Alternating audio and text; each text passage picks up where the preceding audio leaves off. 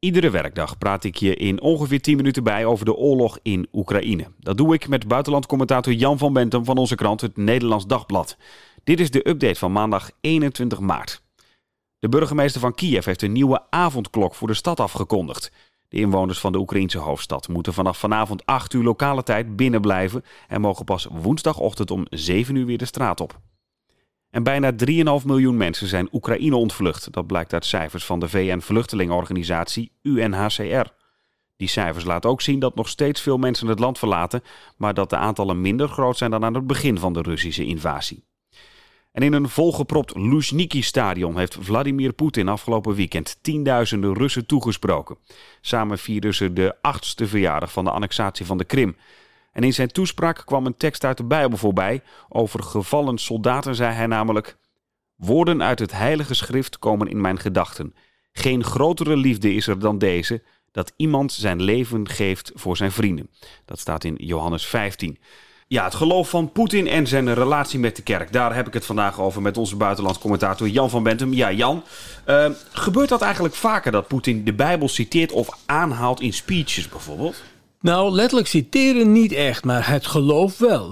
Dat, dat, laat hij wel vaker zien. Uh, en ook al direct in het begin van zijn presidentschap. Toen ontmoette hij George Bush. Mm -hmm. En uh, omdat George Bush natuurlijk ook bekend stond als een evangelical Christian. Ja. Uh, beleed Poetin dat hij, daar, dat hij ook sterk gelovig was. En dat dat hem ook inderdaad zijn leven vorm gaf. Of althans zijn denken vorm gaf. En daar schreef Bush ook in zijn memoires over. Van dat leek mij wel waarachtig te zijn.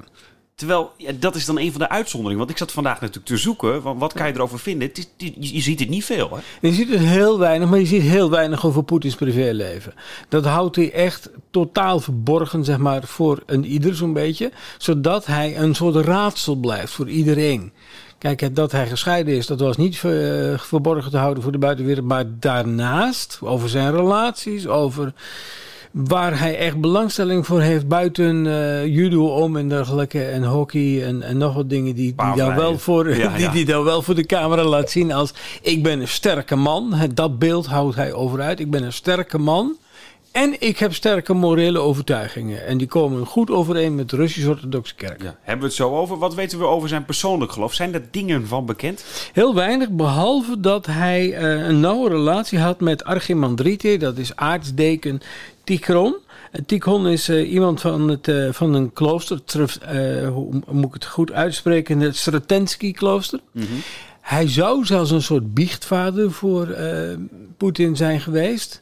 En uh, die zei van dat Poetin dagelijks bad, uh, een aantal jaren geleden dat vertelde, in een kleine kapel vlakbij zeg maar zijn presidentiële vertrek in Kremlin. Dat is niet bevestigd buiten Tikhon om. Maar en die Tikhon die is ook al iemand die net als Kirill heel sterk voor een conservatief Rusland is met een hele sterke relatie kerk en staat. Uh, om dat ook aan de samenleving nou ja, op te leggen. Ja. Nou, zo maar te zeggen. Heeft hij zijn geloof van huis uit meegekregen? Um, volgens Poetin uh, was zijn moeder een gelovige vrouw die hem in het geheim uh, gedoopt heeft. Want dat was natuurlijk onder de communistische tijd, zeker voor mensen die uh, voor de communistische regime werkten, zoals zijn vader deed, not done. Dus hij zou in het geheim gedoopt zijn. Daar zou dan ook dat doopkruis vandaan komen, wat hij van, later van zijn moeder gekregen heeft. Volgens Poetin, een klein verhaal dat hij erover verteld heeft, zou hij toen hij nog werkte voor de gemeenteraad en gemeentebestuur in Sint-Petersburg, Leningrad, het oude Leningrad, zou in 93 reis hebben gemaakt naar Israël. Zijn moeder zou hem toen zijn doopkruis hebben gegeven om dat te zegenen in Jeruzalem, te laten zegenen in Jeruzalem. En dat zou hij daarna ook eigenlijk nooit meer hebben afgedaan, zei Poetin. Uh, er is nog een, uh, een mythisch verhaal dat dat doopkruis in de dacha van de familie lag toen die in de fik vloog, ergens midden jaren negentig. En toen de brandweer alles geblust had en er eigenlijk niets over was, was het een van de weinige dingen, of eigenlijk het enige wat ze nog intact gered hebben en weer aan Poetin hebben gegeven, dat doopkruis. Wat er weer niet helemaal klopt met zijn verhaal dat hij bijna nooit aflegde. Ja. Dat is dus een van de weinige dingen die we daarvan weten. Dat, dat is een van de weinige dingen. Hij bezoekt wel regelmatig een kerk. Als hij ergens naar de Krim gaat of zo, dan gaat hij naar de kerk van Sint Vladimir, uh, de, de, de grootvorst van Novgorod en Kiev, die zich uh, tot christen liet dopen. En die overal wordt, uh, wordt geëerd. En zoals de titel heeft Vladimir niet minder dan de apostelen. En Zo van, hij staat op gelijke hoogte Hij staat op gelijke hoogte met de apostelen. En uh, een van de gebeden die nu de patriarch van Moskou, Kirill, heeft uitgeschreven... als een soort verplicht voorbeeldgebed van zo hoor je te bidden in deze oorlog...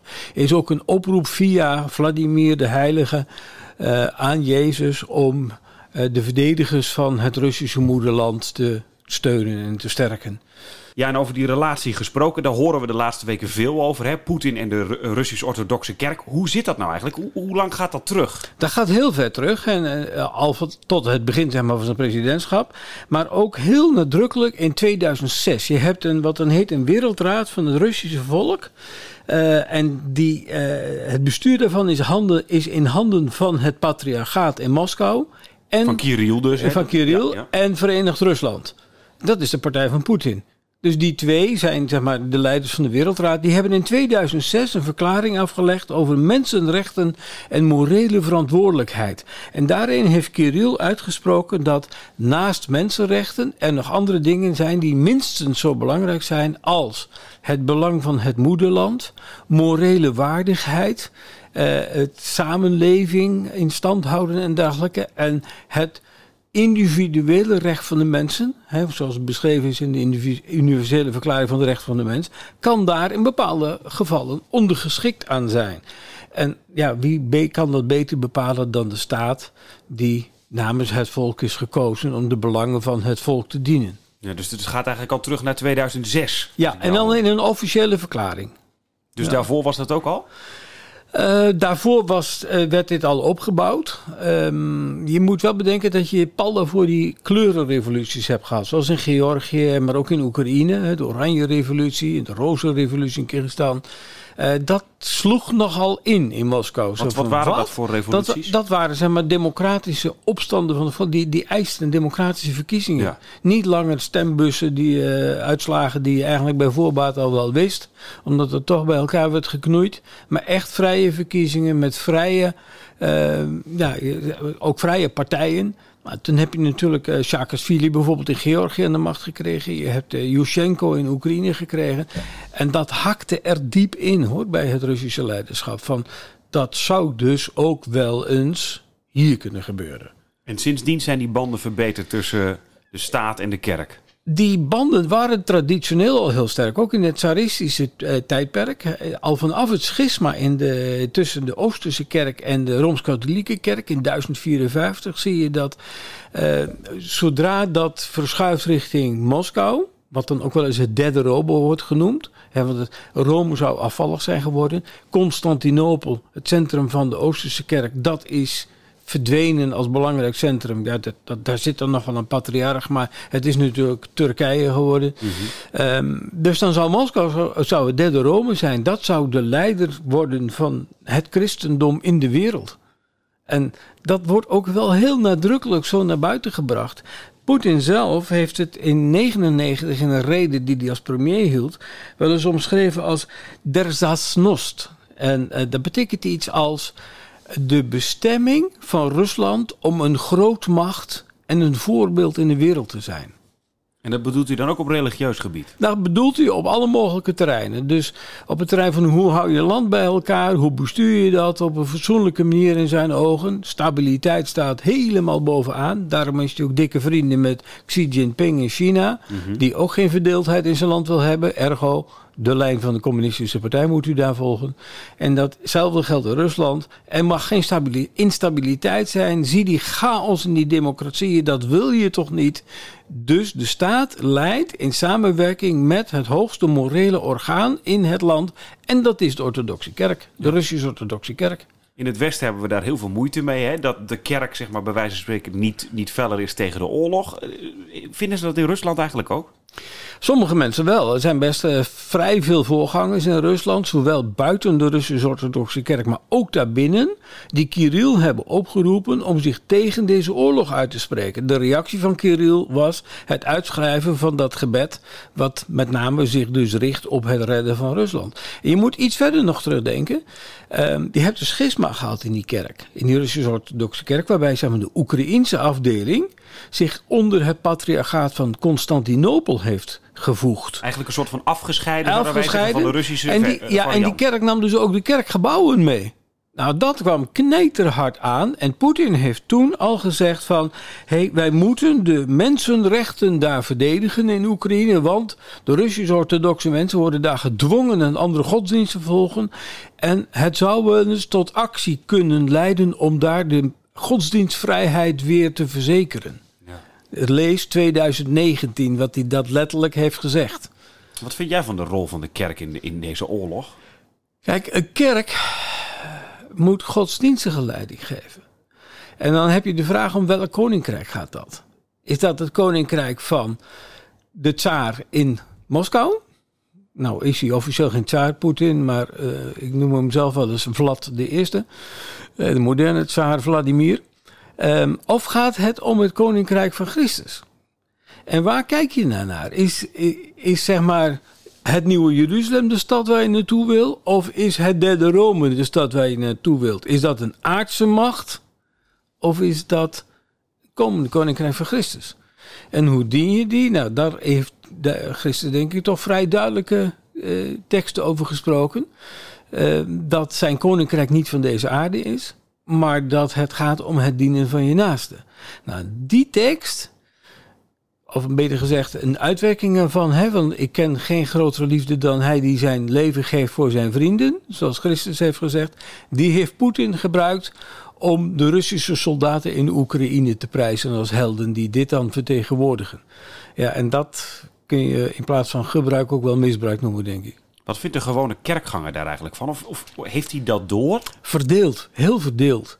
Dat hangt er echt van af van heb je nog toegang tot ander nieuws dan alleen maar de officiële staatsmedia? Uh, hoe denk je familie? Hoe denk je kinderen? Je ziet ook wel scheidslijnen door Russische gezinnen lopen op dit terrein. Um, er zijn, ja, en je kunt het niet meer controleren, dat is ellende. Maar dat het ongeveer de helft is die de lijn van de kerk en van Poetin volgt. En dus echt denkt dat ze het geloof verdedigen. En Ruslands positie in de wereld en dat de Oekraïne echt de springplank was om Rusland ten val te brengen en zelfs te vernietigen. Die woorden worden gewoon allemaal gebruikt. uh, en dat is dus het, de kwaadaardige wil van het Westen. En de andere helft die denkt van ja, dit gaat om iets anders. Dit gaat om het bestendigen van de macht van de leiders. En niet iedereen wil daar direct van afstappen, want Rusland zit nog diep in het geheugen dat ze in de jaren negentig echt in chaos terecht zijn gekomen onder Yeltsin die ook wel een soort nominaal christendom uh, op nahield, maar zich niet zo verbond aan de Russische orthodoxe kerk. Nou ja, dan is de lijn van Poetin duidelijker. Laten we die dan maar volgen. En anderen zeggen van ja, nee, dat leidt tot oorlog en dat moet je niet willen. Dus die scheidslijn loopt dwars door die kerken heen. Dat was hem voor vandaag. Dankjewel Jan. Wil je meer weten over dit onderwerp? In de show notes, de beschrijving van deze aflevering, vind je ook nog een paar artikelen die gaan over Poetin en de Russisch-Orthodoxe Kerk. Heb je een vraag voor Jan of wil je reageren? Dat kan via oekraïne.nd.nl. Een nieuwe update staat morgen om 4 uur weer voor je klaar.